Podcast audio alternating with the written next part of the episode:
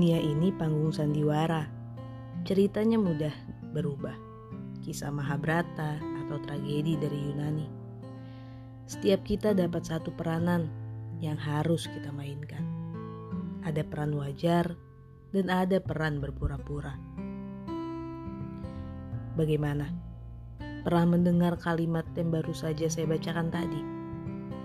Kalau kalian merasa tidak asing dengan kalimat tersebut, berarti kalian tahu bahwa kalimat yang saya bacakan barusan itu berasal dari penggalan lagu berjudul Panggung Sandiwara yang dinyanyikan oleh God Bless.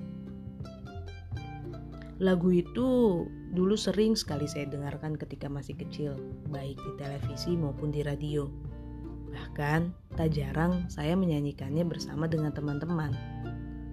Lirik lagu yang mudah dihafalkan, serta irama lagunya yang sangat menempel di ingatan saya, membuat saya jadi sering menyanyikan lagu tersebut.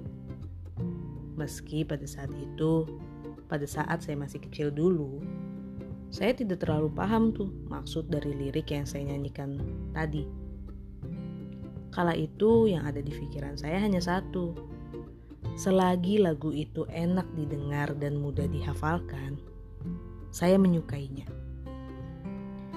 Sampai pada akhirnya, ketika saya sudah beranjak menjadi seseorang yang bisa dikatakan sudah menginjak usia dewasa, lirik dari lagu panggung sandiwara itu ternyata memiliki makna yang mendalam bagi saya khususnya. Tanpa saya sadari ketika saya masih kecil, lirik lagu itu ternyata menjelaskan apa yang sebenarnya sedang ataupun pernah terjadi di sekitar saya. Seperti lirik pada bagian ceritanya mudah berubah. Mungkin kalimat itu terdengar sederhana, bahkan mungkin sebagian orang akan beranggapan itu hanya lirik biasa yang terdiri dari beberapa huruf saja. Tapi kenyataannya, lirik tersebut benar-benar mewakili apa yang sering terjadi di sekitar saya. Contoh sederhananya seperti ini. Anggaplah ada seseorang di dekat saya yang memiliki track record pembohong besar. Ya pokoknya orang ini udah dikenal sebagai pembohong yang besar lah. Sering bermuka dua juga untuk mendapatkan simpati orang-orang terdekatnya. Lalu bila orang-orang terdekatnya ini membalikan badan, maksudnya meninggalkan dia seorang diri, dia pasti langsung memasang muka aslinya, membicarakan orang-orang yang percaya akan ceritanya itu dengan cara menjelekannya, bahkan tak jarang menganggap remeh orang-orang yang sudah menaruh kepercayaan atau rasa iba kepadanya. Hingga akhirnya, suatu waktu wajah asli dari si pembohong besar ini terbongkarlah oleh salah satu orang terdekatnya. Tentunya orang terdekatnya itu merasa dihianati dong. Dia pun akhirnya bertanya, "Kenapa kamu melakukan hal itu?" Padahal rasa percaya sudah aku berikan. Simpati, empati yang kamu cari juga sudah aku lakukan. Lalu, kenapa kamu malah seperti ini di belakangku?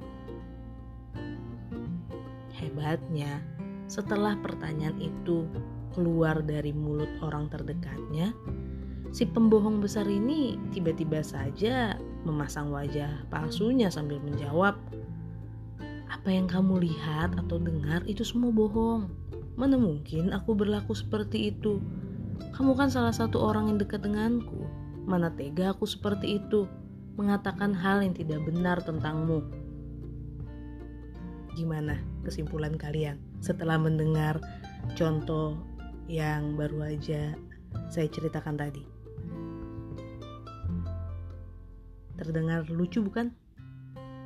Dalam waktu sepersekian detik saja, seseorang bisa dengan mudahnya berubah, baik dari sikap, sifat, dan bahkan kebenaran yang memang seharusnya dibenarkan justru harus terkubur karena wajah palsu yang dilihatkan maupun cerita palsu yang dikatakan oleh orang tersebut kepada orang terdekatnya itu.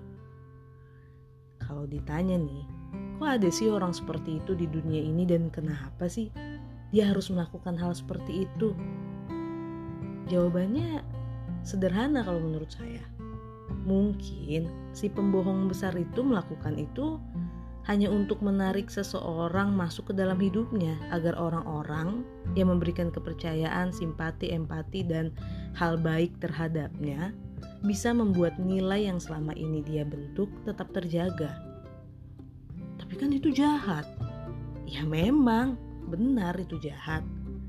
Bahkan sama sekali tidak berempati sedikit pun. Hanya saja, ya begitulah manusia mereka rela melakukan apa pun agar eksistensi nilai kehidupan yang menurut mereka benar tetap terjaga selama ini. Mau akhirnya manusia itu melukai seseorang, menyakiti seseorang dengan sikap sifatnya dan yang lainnya, dia sama sekali nggak akan peduli. Selagi bukan dirinya yang terluka, dia sama sekali nggak akan peduli. Jadi kesimpulannya di podcast malam hari ini, Jangan jadi manusia seperti itu. Jangan juga jadi orang yang saya contohkan barusan. Jadilah dirimu sendiri tanpa melukai seseorang dan juga dirimu. Jadilah dirimu sendiri tanpa harus membuat dirimu merasa paling benar. Karena kalau udah seperti itu akan sulit nantinya buat dirubah. Oke, cukup sampai di sini dulu podcast malam ini. Selamat malam semua. Selamat beristirahat dan sampai jumpa di podcast selanjutnya.